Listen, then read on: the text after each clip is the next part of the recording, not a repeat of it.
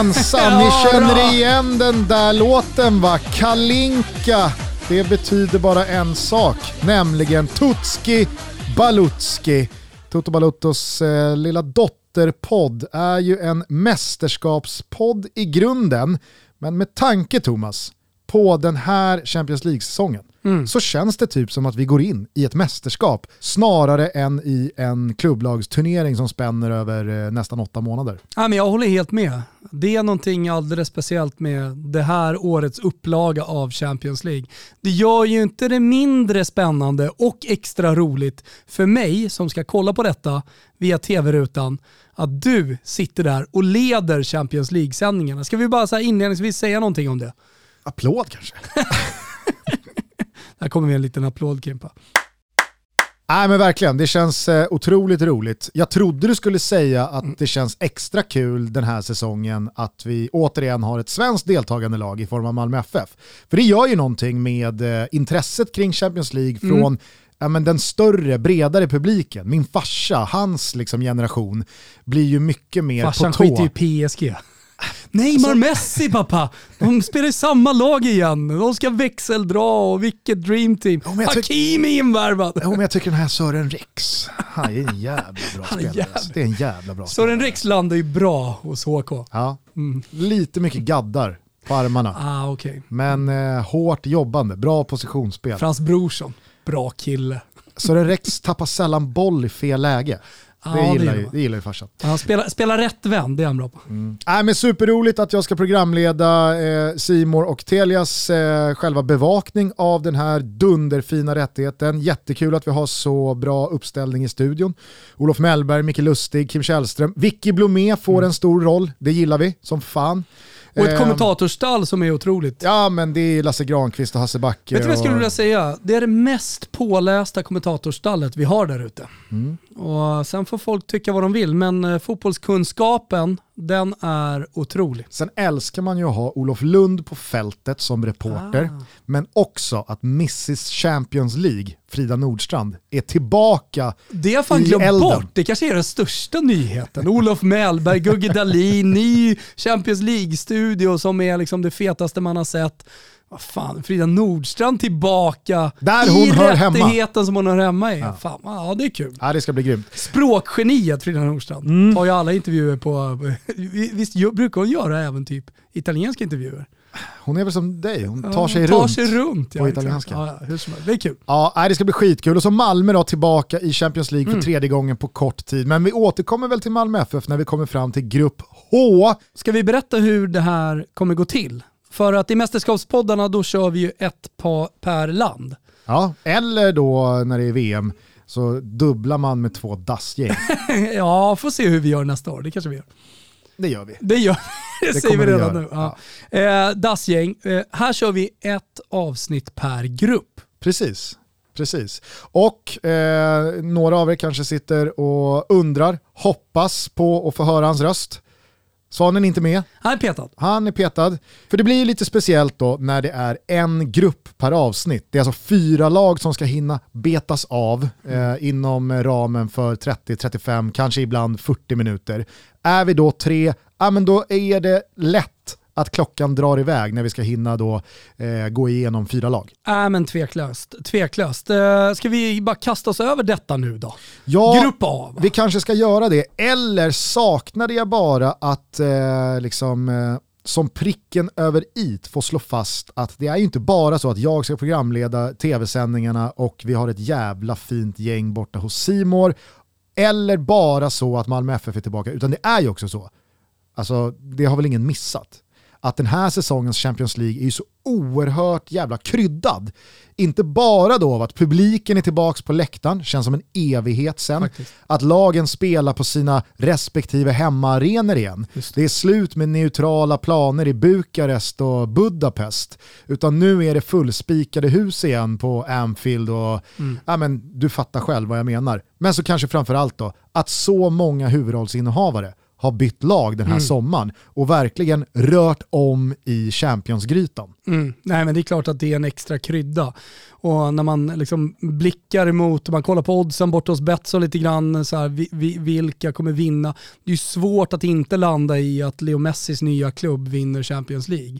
Alltså det kommer ju vara genomgående den här podden. eh, Att eh, ja, men PSG startar ju som megafavoriter och allt annat än seger i Champions League är ju ett misslyckande. Samtidigt som att det faktiskt går att åka ut redan i gruppen. För idag så är det grupp A det här avsnittet handlar om. Det är du som håller i trådarna. Yes. Och för er som har missat lottningen så hamnade alltså PSGs stjärngalleri tillsammans med Manchester City.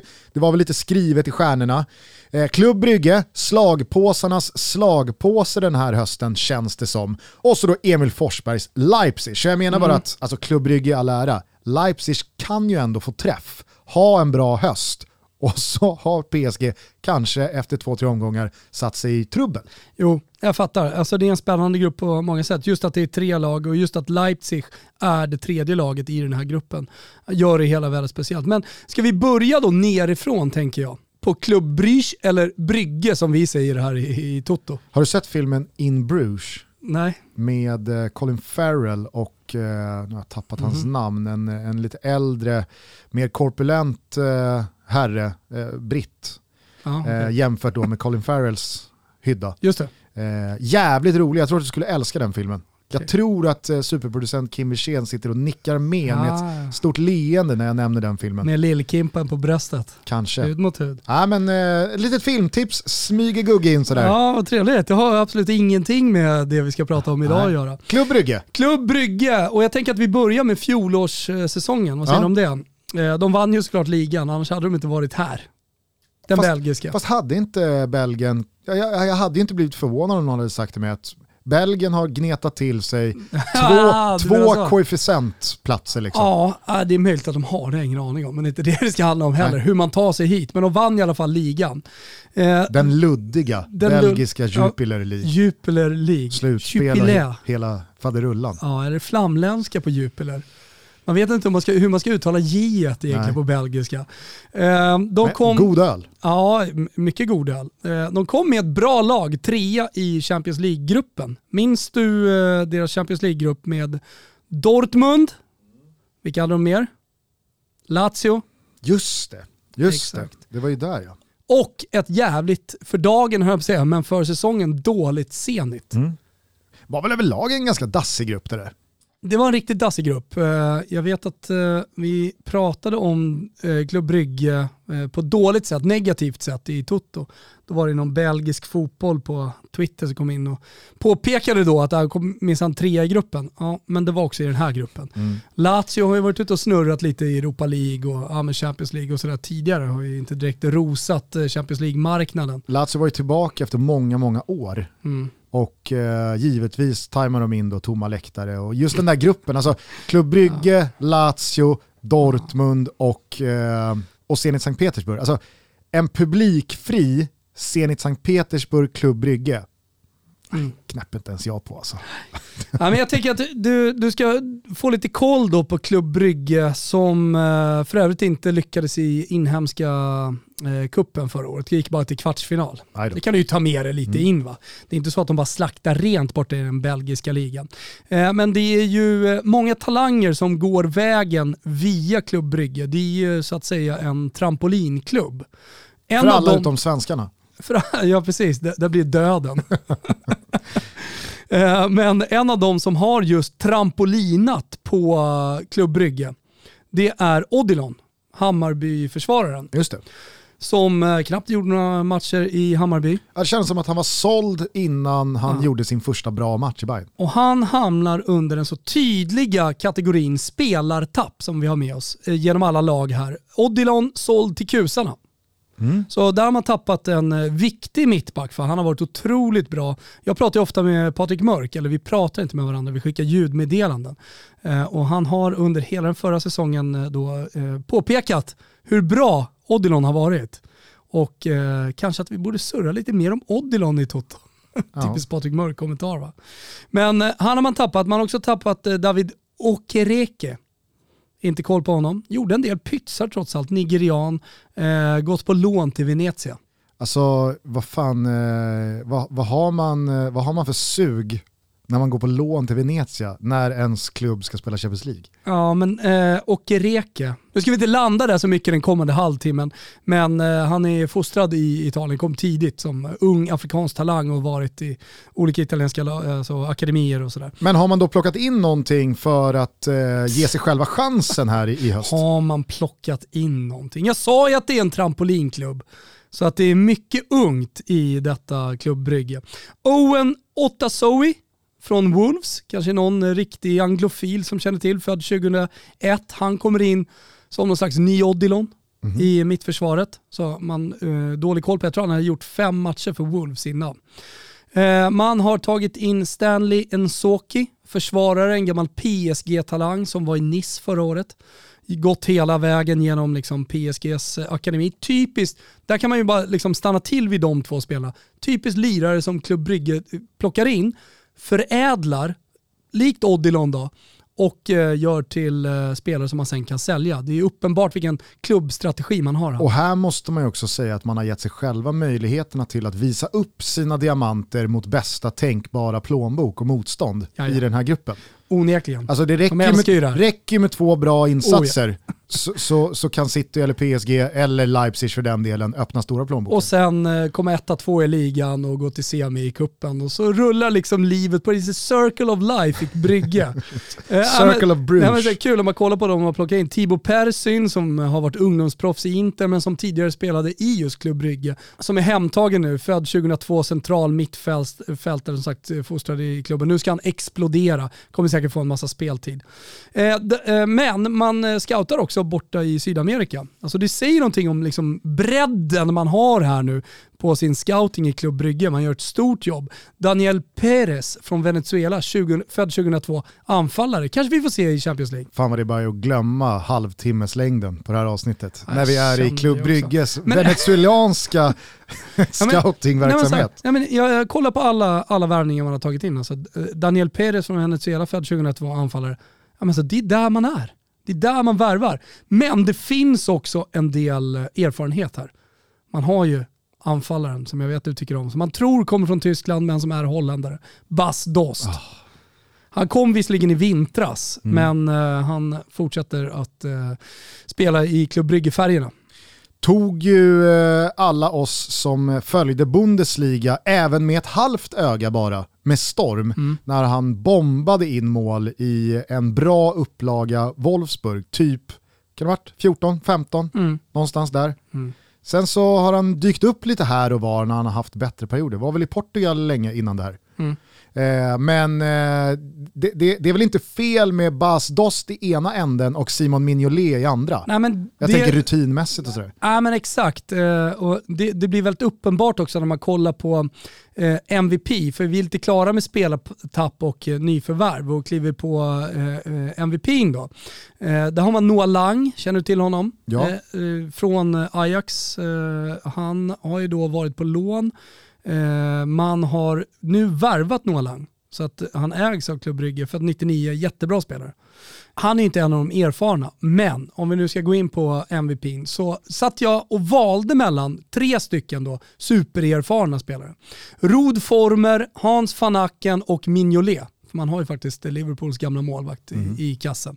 Uh, Hans van Acken känner du till, offensiv spelare, 1,94 lång, gänglig, liksom bara öser på, galen gubbe. Uh, men, galen gubbe. Ja, men så här, är, man, är man långt där framme, Hasse van Acken. Det är fan vår gubbe i det här laget. Kan vi lägga till vår gubbe? Ja men vi kör väl vår gubbe. Ja, vår, gubbe. vår gubbe Hans van Acken. Mm. Offensivt spelar 1,94 sprutar ju inte in mål, men gör tillräckligt många för att ändå vara fast gjuten i den här startelvan. Eh, han, han har också erfarenhet då. Men mest erfarenhet av alla, det har ju i alla fall från den här klubben. Rod Former, holländare givetvis också då. Eh, central mittfältare, stenhård, 33 år, lite av en klubblegend, kom till klubben 2014 från Feyenoord, men eh, har ju nu då kaptensbinden på armen. Det är liksom inte Mignolet eller eh, Hasse van Aken som, som har uh, kaptensbindeln, utan det är, det är den stenhårda mittfältaren Rod Former. Men då, MVP såklart. Men då tycker jag ändå att det låter som ett ganska sunt bygge det här. Mignolet, Fanaken, Former, Bas, Dost. Exakt. Alltså det finns rutin och, och, och, och, ålder i uh, centrallinjen, mm. i ryggraden. Mm. Och så är det kryddat med uh, ungdomlig entusiasm och inte minst då potential mm. runt om. Ja, ja men det, det, är faktiskt exakt så man ska se på Klubb Brygge. Eh, och även om de inte har speciellt mycket att hämta i den här gruppen, trots att man har Hasse Fanaken och Rod Former och Mignolet och ligan, eh, så, så kommer de i alla fall inte sälja sig billigt. Det, och det ser vår MVP Rod Former till. Det här laget säljer sig inte billigt. Jag fungerar ju dessutom som en förstahandskälla på att Mignolet är oväntat välhängd. Oj. Sett med egna ögon. Dan Larsson. Förstahandskälla? Ja, visst. Alltså du har sett det? Jajamän. vi blir inte 40 minuter långa heller. Nej. Vi har uppåt en timme om vi ska dra gamla Mignolet-historier. Men alltså, kan men du säga med, någonting mer om det här? Nej, jag, jag, jag, kan väl bara säga så här. håller du med mig om att det är oväntat? Ja, lite oväntat. Han utstrålar inte liksom, den... Eh, den storkuksauran har den, han inte riktigt. Han utstrålar inte den egenskapen, nej, den fysiska nej, egenskapen. Nej, nej, det är möjligt att han inte gör. Okej, okay, ja, men det var, det, var, ju, det var ju mysig information så här i första avsnittet av Totski CL. Mm. Eh, snackisen just nu, eh, eftersom vi är i tider där Champions League är på väg att dra igång, är ju just att man har hamnat i den här gruppen. Förra säsongen som sagt, Dortmund, Lazio, Zenit, ja, men goda chanser att ta sig vidare. Man hade faktiskt bara två poäng upp till Lazio när allting summerades efter sex eh, gruppspelsmatcher. Klubb Brygge på 8 och Lazio på 10. Så att man hade ju häng på att faktiskt ta sig vidare till en historisk 16-delsfinal eh, i Champions League. Eh, man åkte sen ut för övrigt mot Dynamo Kiev. Alltså det var ju, ju trist liksom eh, i Europa League sen. Som man tog sig till. Men det är den stora snackisen såklart i Klubb Brygge. Fan har hamnat med, med det här gänget, den här ligan. Alltså det här måste väl kvala in på någon slags topp tre-lista över Champions League-offerlamm. Ja, och på tal om offerlamm. Ruben! Här kommer den. Släpper in över 19,5 kassar. Då ska vi göra lite matte här. Det är sex matcher. Mm. Eh, du vill att det ska bli 20 insläppta. Ja. Eh, Ferencvaros förra säsongen släppte in 17. Ja, I snitt eh, lite drygt 3,3 insläppta per match då. Ja, och då tar jag liksom för givet att, eh, eh jag menar med Odilon borta, spelar ingen roll att eh, liksom Rod Former står där och, och ryter på sina polare. Alltså Minho Lean kastar ju bara in handduken i någon match, släpper in 6-7. Alltså det kan ju bli så ruskig slakt. Ja, det känns som att vi har minst en 7-0 i oss här. Ja. Eh, och, och, det är ju så med, med, med tajta grupper där tre lag ska gå för avancemang, kanske rent av gruppsegern. Ja, då behöver man ju också bättra på sin målkvot och, och, och, kanske bomba på ett par bollar man annars hade skonat motståndaren ja. från. Exakt. Så att när, när PSG och City väl eh, vrider igång, då, då, då kan det rinna tror, på här. Ja, och jag, jag, tror verkligen det. Alltså det, det. det, här kommer bli otroligt tufft. Eh, jag ska bara säga det att i varje avsnitt så har vi en rubel per lag och de finns på Betsson.com, man hittar dem under godbitar och boostade odds. Man måste vara 18 år för att spela och stödlinjen.se finns för de som har problem. Eh, så ruben då, Gusten, för Klubb Brygge, är att man släpper in en jäkla massa mål. Ska vi ta oss eh, till de lite mer namnstarka lagen då i Grupp A? Ja, vi tar oss till Leipzig tycker mm. jag. Där har det hänt grejer i sommar. Eh, ja, ska vi börja med fjolåret bara kort, ja, eh, kort recappa recap. vad som har hänt. Eviga tvåan då blev man ju förra säsongen. Eh, 13 poäng efter Bayern München i ligan. Finaltorsk i DNB Pokal. Och i Champions League eh, så hamnade man i samma grupp som Manchester United, eh, PSG och eh, Istanbul Basaksehir. Mm, det var ju ett sällan skådat drama in på slutet i den gruppen mellan PSG United och Leipzig. Exakt. Leipzig knep andra platsen eh, på lika många poäng som PSG. Mm. Så att, att de kan eh, liksom göra någonting i Champions League, det är uppenbart. Absolut, sen så hade de inte mycket för det. Man åkte ju sen eh, så det bara sjöng om det måste man ju säga, mot mm. Liverpool. Just det, exakt. Det var fjolåret. Eh, kollar man på lite vad som har hänt då så har det hänt ganska mycket i Leipzig. Det vet ju om Gusten, men alla kanske inte känner till det. Tränaren Nagelsmann, magikern, geniet, ja, han har lämnat för Bayern München. Upamecano, viktig back, eller hur? Alltså otrolig. otrolig spelare som har ryktats till alla möjliga olika klubbar. Landar ju såklart i Bayern München. Jajamensan. Och sen så här i deadline-tider när vi spelar in det här, ja, men då står det klart att eh, bästa mittfältaren, ni vet han som gjorde kaos under EM, min gubbe Sabitzer, han har också lämnat för. Bayern München. Förutom det så har man tappat Konate till Liverpool och man har tappat då Sörlott som eh, eh frälser, höll jag på att säga. Han, han ger eh, konkurrens till Alexander Isak i Real Sociedad. Precis. Eh, nyförvärv då, kanske du undrar? Ja, men, eh, man eh, jobbar ju väldigt mycket med sina Red Bull-polare. Filialer. Filialer, dels i Salzburg och dels i New York. Man har upprättat ett konkordat. Ja, och vi kan väl börja med, ja men nu, nu sa vi tappen, så att nyförvärven. Jesse March, honom känner du väl till Gusten. Ja, Berätta om honom. Ja, men jobbar man med Hasse Backe så har man nästan en, en lika nära relation till Jesse March. Eh, amerikanen då som Backe hade som ass eller hjälptränare av någon slags Fint form. att Leipzig tränare var Backes gamla ass mm. i New York. Precis, eh, Backe hade honom i eh, New York Red Bulls, landade i Salzburg, har ju tagit eh, ja, men, eh, enorma kliv, eh, både som tränare på ett individuellt plan men med hans fotboll som har varit oerhört rolig att följa. Många minns säkert när Salzburg hade Liverpool i gruppen för några år sedan och eh, någon kamera fångade upp hur Jesse March på, liksom, om det var i omklädningsrummet eller i eh, införsnacket, taktiken-omgången, eh, verkligen pratade om att vi ska åka hit och vi ska spela vår fotboll. Det var ju, det var ju en otrolig jävla insats. Minamino tjackades väl på rotmos eh, direkt efter den eh, matchen. Och så kommer säkert alla ihåg eh, Hålands genombrott i eh, Champions League-sammanhang. Eh, hösten 19 måste det ha varit då. Eh, när han fullständigt bara slaktade rätt ut med Salzburg. Men utan att veta känns det inte som att Jesse March eh, är tränaren som sitter inne på det fetaste brandtalet i fotbollen. Han har liksom tagit med sig allt det amerikanska han har och är även uppenbarligen då kunnig inom fotboll. Va? Han har ju lärt sig allt av Hasse Backe. Ja, jo ja. absolut. Ja, klart han är brandtal. Ja, jänka, jänkare, fan, de, de föds ju med brandtal. Mm. Greg Beerhalter, tyckte du han hade liksom brandtals-aura? Nej. Any given Sunday? Nej. Nej. Nej. Men, men Jesse March har det definitivt. Så är det säkert. Men alltså tappar man eh, liksom spelare av den här kalibern, alltså Sabitzer, Sörlott eh, och så vidare, eh, på Mekano, då måste man ju också köpa någonting. Eh, in, in kommer André Silva. Eh, den matchen jag sett med Leipzig eh, eh, i inledningen på säsongen var han fantastisk. Han hade jättebra samarbete med, ja, inte minst då, Emil Forsberg. Och eh, vi vet ju att han kan göra mål i Tyskland. Öste in mål i Eintracht Frankfurt. Exakt, och borde kunna göra jävligt mycket mål eh, även, även den här säsongen. Och var det ett problem om man liksom bara studsar tillbaka lite på fjolåret, ska jag säga någonting om Leipzig då. Om det är ett problem man hade så var det just att Sörlotto inte gjorde speciellt många mål. Så kollar man på eh, bäst målskytt i ligan så var det Sabitzer.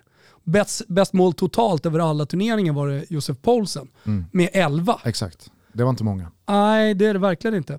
Eh, så alltså att André Silva kommer istället för Sörlott, det är ett steg upp. Alltså där, där har man ju liksom värvat in en bättre gubbe. Ja, enligt alla utom Hägglund kanske. Jag och alla andra jävla norrmän som ska ha någonting att säga om alla jävla norrmän. Men, eh, men så är det. Sen har man köpt loss Angelinho, spelade ju redan där, men köpt loss honom från eh, Manchester City. Bra, Alltså, det, det är kanske inte namnet man landar i MVP-mässigt, ja. men han ska ju nämnas i den diskussionen. Ja, absolut. Jag tycker han är otroligt bra. Alltså. jag tycker han också är jättebra. Eh, Mohamed Simakan, får vi se om Leipzig scouter har koll här. Men eh, in, inget namn som du studsar på direkt, eller hur? Nej. Back från Strasbourg. Så att det här skulle ju mycket väl, alltså, utan att veta någonting om Simakan, så, så känner jag bara att ja, men det här skulle ju kunna vara en spelare som tar världen med storm.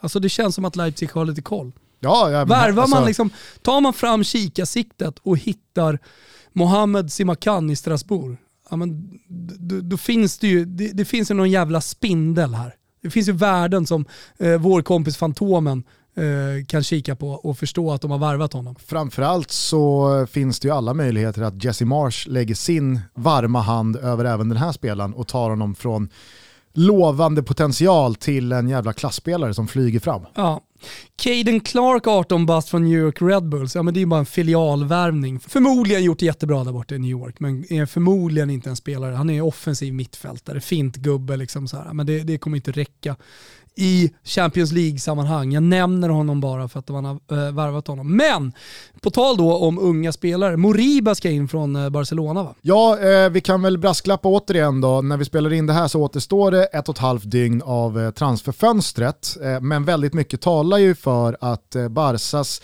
kontraktstrotsige supertalang Ilaish Moriba, som jag tror hade flest lyckade dribblingar per 90 minuter i La Liga i fjol. Ja. Eh, lämnar... Vad tycker du om honom? Nej men det jag har sett av honom är jättebra. Mm. Sen så är det ju alltid... Men han så... sitter alltså i ett läge där han inte har kritat på kontrakt? Ja, exakt. Eh, och, eh, eller han, han vill inte förlänga. Tänk att Barca har hamnat där, det är otroligt egentligen.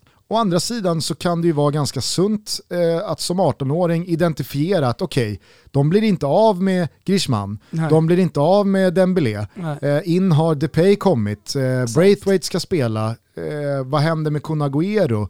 Miljardären Braithwaite, ja, klart han men, Och där bakom, det, det, det, finns ju allt från eh, Ansu Fati till Ricky Push till mm. De Jong, alltså så här, det är så många spelare som ska spela att han kanske känner att vet du, då är det nog kanske klokare att gå till Bundesliga, topplag i Bundesliga, spela Champions League-fotboll eh, och, och vara en betydligt mer bärande spelare i det laget. Vi är hur som helst under kategorin nyförvärv och grottar. Och eh, slutligen då så vill jag ta upp eh, den spelaren som han kommer ha mest användning för eh, av alla de här nyförvärven. Och han kommer förmodligen ta hela Bundesliga med storm. Och det är Dominik Szoboszlai ungraren som varit i klubben ett tag, men som är tillbaka efter en svår knäskada. Exakt. Han hann aldrig tillbaka till speldugligt skick i EM. Vi pratade ju om det i Tutski EM. Eh, men han eh, kom tillbaka med besked efter den knäskadan och var, ja, man, redan gjort sina första mål. Den matchen som eh, jag eh, refererade till tidigare, där Foppen och André Silva hade bra samarbete de två trivs ju otroligt bra tillsammans med Dominik Szoboszlaj också. Mm. Han är frisparksskytt, eh, han är dribbler, han är stor stark mittfältare. Man har svårt att tro att den här gubben är bara 20 bast när man ser honom spela fotboll för att han, han spelar med mognad som är helt otroligt tycker jag. Han har också en stjärnglans tycker jag ute på planen, sättet han rör sig på, sättet han rör, vidrör bollen vid sättet han vidrör bollen med. Ja, det, jag, jag, jag, tycker bara att eh, Dominik Szoboszlaj är en av mina absoluta favoritspelare i Bundesliga. Är det vår gubbe? Eh, det, det, Eller är det, det Foppen? Det är Foppen som är vår gubbe. Alltså, det, men däremot så är ju eh, Dominik Szoboszlaj vår MVP.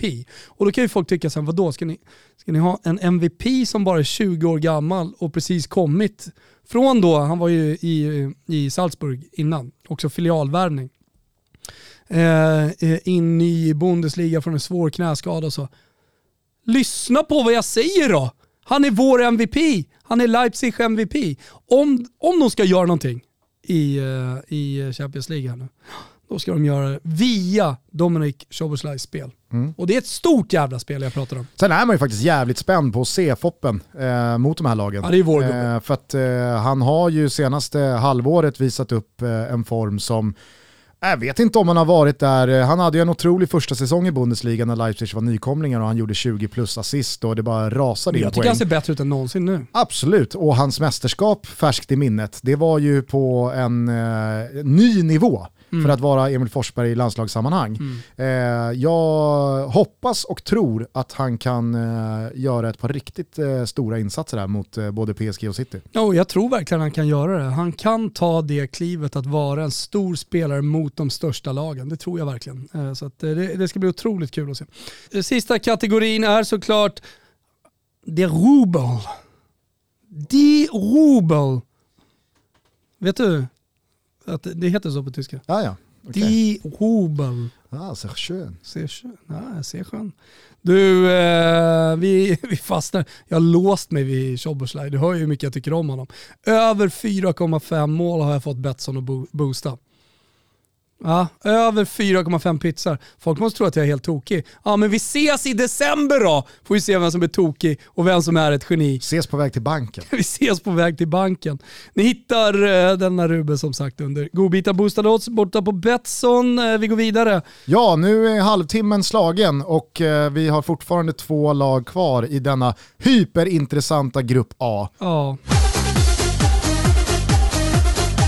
Toto Balotto är denna vecka sponsrade av Max Burgers. Och för er som har missat det så finns just nu Korean Barbecue på menyn. Ja, men det är en helt otrolig burgare som låter friterade lökringar, Korean barbecue-sås, majonnäs, saltgurka och färsk koriander mötas mellan två bröd och göra matupplevelsen till något helt fantastiskt och det vill jag verkligen personligen skriva under på.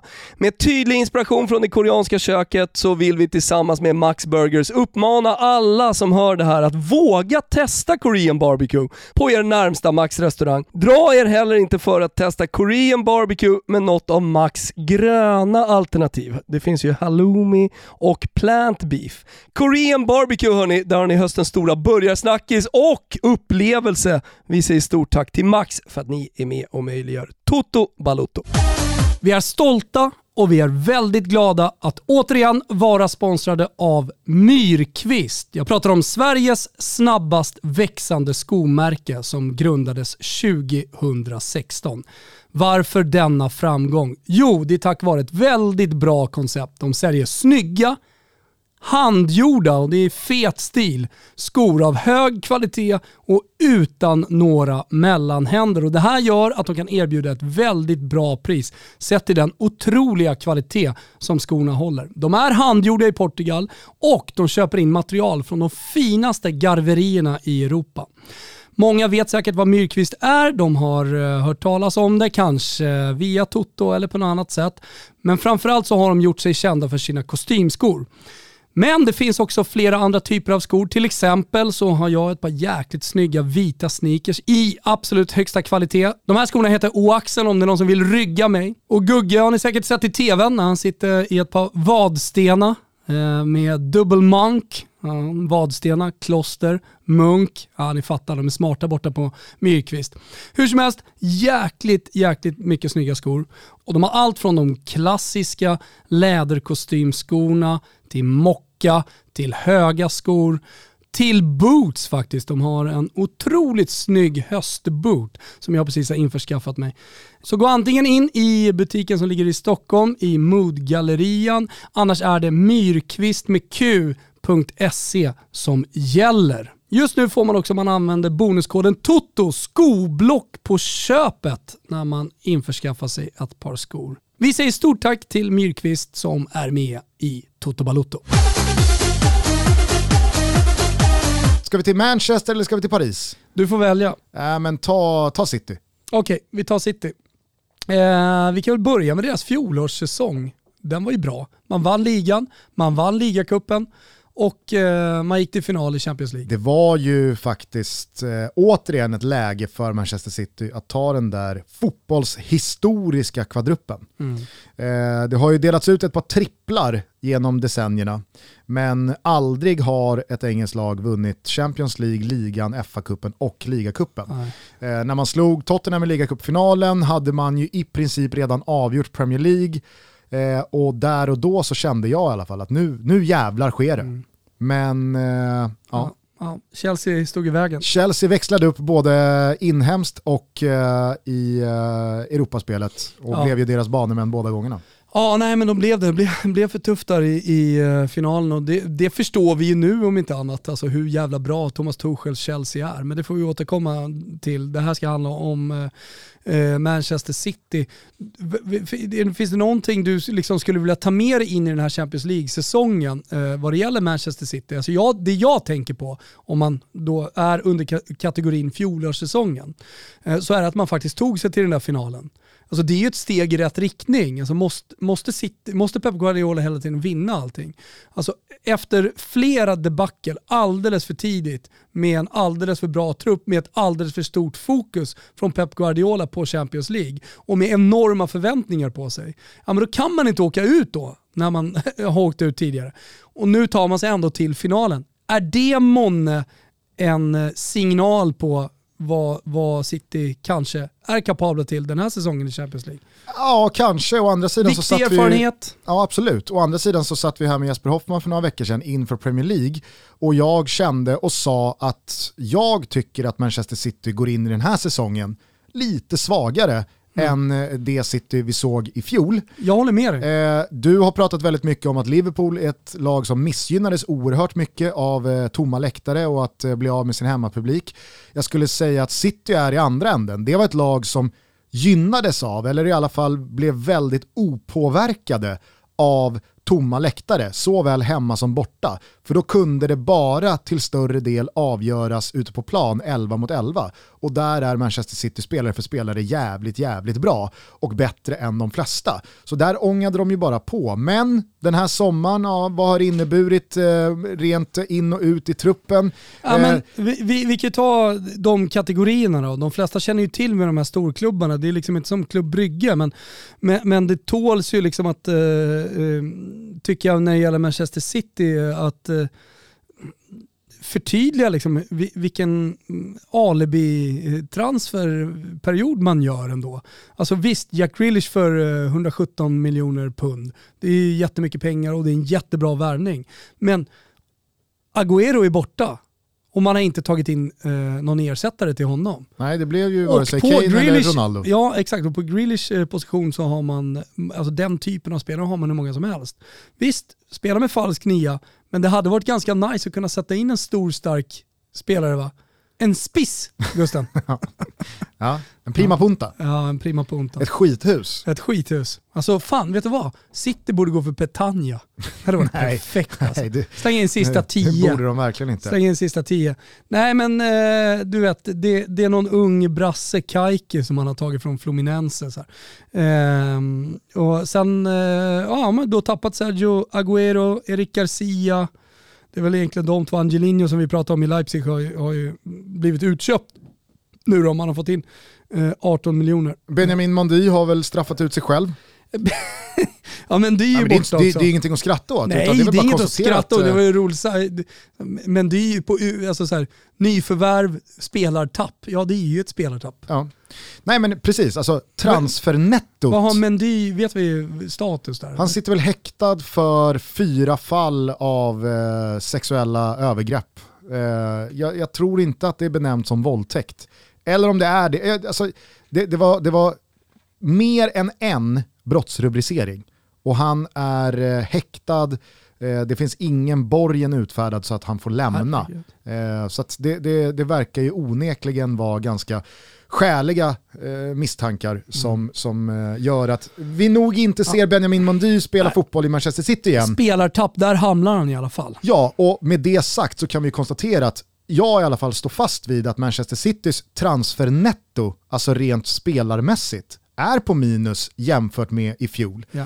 Jag har dessutom i dagarna hört Pep Guardiola börjat prata om en framtid efter Manchester City, att när det här kontraktet går ut, då är han klar, då måste han ta en paus, då är det ett landslag som gäller som nästa uppdrag. Mm. Alltså han har redan börjat tänka på den tiden. Ja. Eh, jag tror dessutom att eh, man inte ska underskatta det faktum att Manchester City i många år, inte minst under Pep Guardiola, har haft extremt gynnsamma grupplottningar. Alltså det har typ bara varit Dinamo Zagreb, Club Brygge, mm. sådana typer av gäng. Nu är det en stentuff grupp från början, man kan inte hålla på och slarva någonstans. Och med den minskade bredden på truppen sett till Premier League-spel och den tuffare motståndet i, i, i gruppspelet i Champions League jag, har, jag skulle bli jävligt imponerad, tillika förvånad, om vi skriver mars i kalendern och City kan fortfarande vinna alla fyra turneringar. Ja. Förstår du hur jag tänker? Ja, alltså, ja, jag. Om man jämför med i fjol, mm. när det var mars-april och man mm. kände att kvadruppen lever i allra högsta grad. Ja. Jag är beredd att hålla med. Jag är beredd att hålla med. Så på eh, liksom insidan, nu, nu återstår det, ska, du återigen, eh, ska vi återigen säga, eh, några timmar kvar. Ja, men jag tror inte City gör något här. Jag tror inte heller de gör det. Vad skulle det vara liksom? Nej exakt, vem finns tillgänglig? Ja. Det är om du ska gå in och kapa ja, Mbappé. Typ, ja, men typ ta en Petagna, alltså ta en spelare. ja, men, nu, nu, jag säger kapa Mbappé och du kontraverar, eller Petagna. Nej, men, så man tar och då in, pratar vi alltså om dörr, dörrvakten i Napoli som, eh, ja, en del som hör det här aldrig har sett spela fotboll. Ja. Och det är ingenting ni ska vara ledsna över. Ni har Nej. inte missat något. En spiss, det är det jag pratar om. Alltså. Det är så jävla svårt att förstå. MVP i eh, City, Mm. Kevin De Bruyne. Går ju inte att komma ifrån. Nej. Sen har det ju fungerat ganska bra utan honom eh, i, i långa perioder Mm. också. Men eh, jag, jag skulle väl Jag kunna, kom, för- jag skulle väl kunna kontra, jag skulle väl kontra med Ruben Diaz. Ja, men så här, de har ingen MVP för de är för bra fram till att matcherna börjar betyda någonting. Fram till finalerna. Och för att vinna, då måste man ha Kevin De Bruyne med. Mm. Det är uh, taken liksom på KDB. Vet du, jag har en spetsig take Jaha. på Ruben Diaz. Jag vet inte om han är så bra Aha. som eh, Mm. fotbollsvärlden vill få honom till. Okej. Men alltså, tycker du inte att han blev lite synad i EM? Jo, Tycker du inte att det blev ett par matcher, inte minst mot Haaland, Mm. när City mötte Dortmund i, i Champions League i våras, där man kände, jaha du Ruben Diaz, om du ska vara Premier Leagues bästa spelare här, som han blev framröstad till. ja, det är möjligt. Men du, tycker Jag säger du... inte att det är en bluff, Nej, jag säger det- bara att eh, det, det är ingen... Eh, det är, Nej, här, eh, jag- det är, jag- ingen, det är ingen van Dijk. Hur som helst, jag hade inte kunnat gjort eh, det här avsnittet med någon slags eh, respekt och värdighet, för jag vet ju att oraklet lyssnar på oss, Jesper Hoffman. Och ser jag någon annan MVP än Kevin De Bruyne, då blir jag ju fullständigt vansinnig. Och jag vill inte ha Hoffman vansinnig efter mig under den här Champions League-säsongen. Kasta någon jävla besvärjelse över mig. Jack. Grealish, eh, vår gubbe eller? Ja, jag tycker det. För att eh, det, det finns så jävla mycket med Grealish som jag tycker är eh, härligt. Eh, jag tycker att det är härligt att det kommer fram en engelsman, en ny Beckham-typ. Jag älskade ju Beckham. Eh, som spelar en fotboll som engelsmän normalt sett inte gör. Alltså på tal om att jag älskade Beckham, så älskade jag också på 90-talet Paul Gascoigne. Och Jack Grealish är ju som en slags modern version av Paul Gascoigne i spelet menar jag. Ja. Alltså Paul Gascoigne var ju liksom en, tek- nej, alltså, han var ju en teknisk skön lirare som hittade på massa knasigheter där ute på plan och lobbade och trixade och, och hade sig väldigt så icke-engelsk. Och det, det, det är ju Jack Grealish också. Eh, så att han springer omkring där kan ju kännas kanske lite klyschigt att vi sitter här i Toto Balotto och tycker att eh, Jack Grealish är liksom vår sköna gubbe och sådär. Men, men jag tycker väldigt mycket om Jack Grealish djupt in i mitt hjärta och därför så kan jag inte välja någon annan gubbe i det här laget. Sen så Man- gillar jag typ ingen annan Nej men det var det jag skulle komma till, man ska väl dessutom titta på övrig trupp. Vad finns det då? Alltså jag ser City- kvaliteten City- men jag ser, inte, jag ser inte passionen. Jag ser inte kärleken. City är ju ett jävla slätstruket lag när det kommer till profiler. Till Visst, jag, karaktär är det. ja exakt. Jag, jag kan gilla Gündogan. Jag, jag gillar Gündogan och jag, jag kan tycka att, eh, nej, där, där stannar det. Jack Grealish är fan vår gubbe. Ja, ja, uteslutningsmetoden på Grealish. Det var inte svårt att ta fram vår gubbe. Ruben, en högoddsare. Mhm. Leipzig kniper andra platsen.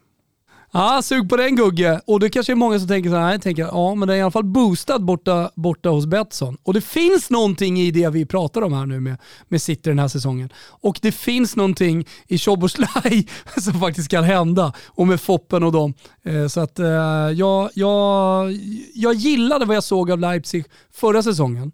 När man faktiskt gav PSG en rejäl match också, eller hur? Eh, så um, ja, någon gång är det dags eh, för Pep Guardiola för ett litet fiasko. Och jag tror att det är den här säsongen i Champions League. Ruben är alltså City att missa slutspel i Champions League. Oj, oj, oj, oj, Mm. Där kan vi snacka fiasko. Jajamän. Eh, sista laget ut då. Eh, Paris Saint-Germain. Ja, herregud. Fjolårssäsongen, man misslyckas med att vinna ligan. Man åker ur eh, i semifinal i Champions League. Ja. Man orkar inte riktigt med. Jag trodde ju på PSG hel, ja, men från tidig vår och slog mig för bröstet. Och liksom, Alltså när så att de, jag höll på dem till med. när de slaktade Bayern. Ett Bayern München förvisso utan en skadad Lewandowski. Det ska väl ändå sägas absolut. och, och, och finnas med i någon slags parentes här till historien. Ja men där var det ju klart Men ändå, någonstans. PSGs insats på Allians i första mötet mot Bayern. Där kände man, de kommer, nu löser de det. Nu löser de det. Men det gjorde de inte. Eh, så det, det, det, var ju lite av en fiaskosäsong. Men det känns ju också som att vi har vänt på ett stort, tungt jävla blad efter, efter det. För, eh, Man får säga att det är en ny sida i boken. Ja, det känns, alltså så att prata om fjolårssäsongen med Paris Saint-Germain, det, det, tycker jag är viktigt att göra med Club Brygge och med Leipzig. Kanske till och med Manchester City för du kan hitta så mycket. Men med de nyförvärven som eh, PSG har gjort så är det ju faktiskt ett helt nytt lag. Jo, alltså, absolut. Alltså, men, men, men, ny... men, det kan ju fortfarande vara värt att ha med sig in att ja. PSG kommer från en, i deras värld, absolut. väldigt dålig säsong. För det kommer ju innebära, inte minst för Pochettino som tränare, att nu ska det fan inte slarvas, Nej. nu ska det vinnas titlar. Eh, man har alltså, eh, för er som har missat det, eh, värvat Vinaldum från Liverpool. Man har värvat Danilo Pereira. Och nu har vi liksom bara varvat igång det här äh, maskineriet, jag på säga. Äh, Gigi Donnarumma, EM-mästaren, sitter ju på bänken i PSG. Gianluigi Donnarumma. Går inte att säga hans namn utan äh, att komma dit. Äh, Donnarumma, free transfer från äh, Milan, är ju ett jättebra nyförvärv, men jag undrar hur han tänker framöver här nu. Pochettino. Keylor Navas är väl den målvakt som vunnit flest Champions League-bucklor? Jo men det har gått någon vecka för mycket med Keylor Navas mellan stolparna för att inte prata om det som en petning av Donnarumma. Mm. Jag fattar vad du menar. Eller hur? Ja, ja, absolut. Och eh, det är ju lite av en het potatis kan jag säga borta i Italien. Man undrar vad det är som händer. Ska han vara petad här nu? Jag tror att han strax tar liksom första spaden och så kör han. Eventuellt att man liksom på något sätt skiftar Champions League-liga eller något, något sånt. Men, men jag tycker att han är så otroligt bra och eh, dessutom färsk EM-vinnare, mm, en nykläckt mästare. Ja, det är, en sån spelare ska spela. Eh, Achraf Hakimi, för de som inte har koll på honom. Världens snabbaste högerspringare skulle jag vilja utnämna honom till. Världens snabbaste vänsterspringare, vet du vem det är? Det är Theo Hernandez, Vär... så behöver du inte ah. fundera. Ingen är snabbare än han. -huh. Så är det. Okay. Och Hakimi på ena kanten. Det är också kul då att PSG visade intresse för just eh, eh, Theo Hernandez. Eh, Hakimi eh, för 60 miljoner eh, euro, det är stora pengar. Eh, har ju redan börjat betala av sig. Uh, oh ja, Jätte, jättebra spelare. För er som inte såg den italienska ligan förra säsongen och som nu kastar över Gugges och, och Mellbergs och gängets sändningar nu eh, på Simor eh, kommer att ja, verkligen få upp ögonen för en Formel 1-spelare. Och då ska det ju sägas att han eh, exploderade ju redan i Dortmund ja, på lån från Real Madrid. Och vi var ju många som ändå förvånades över att Real Madrid släppte honom ja. till Inter. För ganska så förvåning. blygsamma eh, 40 miljoner euro var ja. Du var ju den enda som var lugn i att vill Real ha tillbaka honom, men då köper väl Real tillbaka honom. Mm. Men, men, eh, men, eh, de ville ju uppenbarligen inte ha honom, för då nej. hade de köpt tillbaka honom. Eh, Lionel Messi också ny då på free transfer, precis som Donnarumma och Wijnaldum. Mm. Eh, så totalt så spenderar man eh, 76 miljoner euro tror jag. Glömt en spelare va?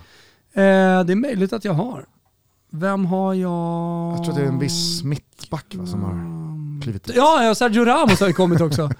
Herregud Gugge! Skärp dig också på free transfer. Fyra spelare free transfer, sen så såklart fattar vi att det är sign-ons och det är uh, feta löner. Men ändå, Leonardo, han eh, kan knyta till sig spelare. Absolut. Sen så återigen så påminner vi er om att det här spelas in måndag 30 augusti. Det är väldigt mycket som eh, i eh, det här ögonblicket talar för att killen Mbappé eventuellt då kliver och lämnar för Real Madrid. Men det senaste vi vet det är att PSG och Leonardo då tackat alltså nej till ett andra bud från Real på någonstans 180 miljoner euro. Och i det här fallet så börjar man ju ändå undra, ska de inte ta nästan 2 miljarder för en spelare som sitter på utgående kontrakt? Mm. Visst, det är killen Mbappé, en av världens fem bästa spelare, inget snack om saken. Men med den armada av offensiv som kommit in och som man redan tillgår i Neymar och en hel del andra spelare utöver Messi. Alltså, ta två miljarder. Mm. Ta två miljarder och gör lite jävla business, för att annars går det ju verkligen att argumentera för att Leonardo inte riktigt sportchefar fram ett högsta betyg.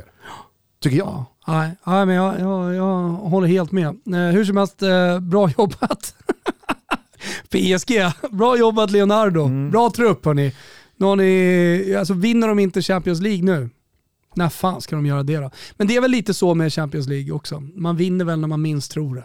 Chelsea kliver och vinner förra säsongen till exempel. Framförallt så har väl man sett ganska många lag genom fotbollshistorien, inte bara på den här nivån, värva ihop ett relativt extremt slagkraftigt lag för att inte alls sen få ihop det. Mm. Det är ju så jävla mycket med egon som ska samsas under samma tak.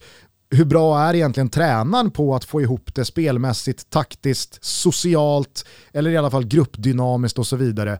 Är Pochettino där? Jag vet inte. Alltså, det har ju redan knakat med Mbappé om vi då bortser från den senaste ligamatchen innan landslagsuppehållet där han såg jävligt bra ut och det var klackarna i taket och, och leenden till mm. örsnibbarna. Men du fattar vad jag menar, mm. att det är ju inte bara så att det är att hämta hem ett bomblag så spelar sig pianot av sig självt. Nej, nej men så är det verkligen inte. MVP. Ja, vem alltså, fan alltså, är det? Ja, men, jag, alltså vem jag, fan ja, men, är MVP? Lyssna, lyssna jag, jag skulle vilja liksom använda eh, samma logik som när jag pratade om Manchester City. Alltså för PSG finns det bara en final och vem vinner en final? Hur vinner man titlar? Jo, genom starkt försvar. Och det finns en gubbe i den här truppen som vet om man vinner Champions League-titlar mer än någon annan. Och det är Sergio Keylor Ramos. Navas. Keylor Navas absolut, men det är Sergio Ramos. Alltså, han kommer in med den erfarenheten som behövs, med den mentaliteten som behövs. Men vadå Messi då? Jo men det var länge sedan han vann Champions League. Och för mig nu, nu är vi i Tutski CL. För mig, för PSG, så handlar det bara om semifinal, final. Då gäller det att liksom då gäller det att trycka in de där jävla bollarna och hålla tätt bakåt. För att de andra lagen, eller de lagen man möter kommer också vara fantastiska framåt. Mm. Och då är det Sergio Ramos som är MVP. Ja. Och sen så kanske över hela säsongen så är kanske Messi MVP eller eh, vem det nu är. Men nu pratar vi om PSG och då pratar vi om final och då pratar vi om Sergio Ramos. Vår gubbe, nej nej. Ja, alltså 100 procent. Alltså, när Neymar spelar... Neymar. Ja, ja. Oh, nej, nej. Han är så fin alltså. Jag älskar Neymar. Jag älskar Neymar som han är nu, med lite kula också på magen. Ja. ja han blir bättre och bättre alltså bara. alltså, kliv ner lite i planen. Alltså, han skulle kunna bli sexa med tiden. Nej. Vad är det? Är det en riktigt dålig sexa? Jag har dålig sexa i Fluminense eller Santos. Riktigt dålig sexa. Dålig sexa i fel brasilianskt lag. Mm. De hamnar ju alltid i fel lag av någon jävla anledning. Det känns de som att eh, liksom den här eh, klubblojaliteten den är inte lika utsträckt i Brasilien. Nej. Säger jag bara på ett rejält höftande sätt. Ja. Kolla, kollar man på stora eh, brasilianska spelare som mm. slagit igenom i Brasilien, lämnat för Europa och sen vänt tillbaka, mm. så är i alla fall min generella uppfattning att fler än färre går till andra stora brasilianska lag än vad de kom ifrån. Än att man går tillbaka till, inom citationstecken, sitt lag. Mm. Slutligen, innan vi stänger detta snart timmeslånga första historiska Tutski CL-avsnitt så kommer vi till Le Robel, den franska ostruben. Och jag vill, jag älskar ju Even Steven från gamla Seinfeld-avsnittet Gusten. You know who you are? No. You're even Steven. You're even Steven. Och nu har vi liksom skickat 19,5 eh, kassar på stackars Klubb Brygge. Mm. Ja men då skickar vi över 19,5 kassar på mäktiga PSG. Ah, Okej. Okay. PSG gör 20 mål i gruppspelet. Jajamän, minst. Eh, då, så är vi even Steven här i, i avsnittet. Känns inte det lite bra i magen? Mm, jag ser att du gillar det Gusten. Hörni, ni hittar alla rublar under godbitar boostade odds. Vi kommer lägga ut dem på våra sociala medier också. Och hörru, om du är under 18, då får du inte spela. Och alla ni som har problem med spel, gå in på stödlinjen.se, där får ni hjälp. Gusten, allt. Ja, Tutski Balutski Champions League är igång. Avsnittet skulle bli en dryg halvtimme. Nu närmar vi oss timmen så det är hög tid att stänga ner. Men vi hörs snart igen. Då är det grupp B som gäller. Till dess, ta hand om varandra. Ciao tutti. Ciao tutti.